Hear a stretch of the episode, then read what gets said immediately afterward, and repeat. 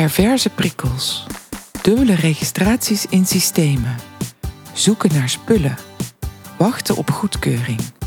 Wachten op informatie. Wachten op systemen. Herstelwerk.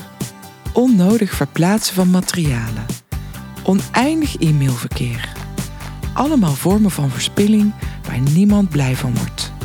De geluiden die we hierbij horen zijn, dat doen we altijd zo. Bij ons werkt dat nu eenmaal zo. Ik heb het al zo vaak gezegd. We hebben geen tijd. En er is geen budget. Waarom houden we dit dan toch in stand?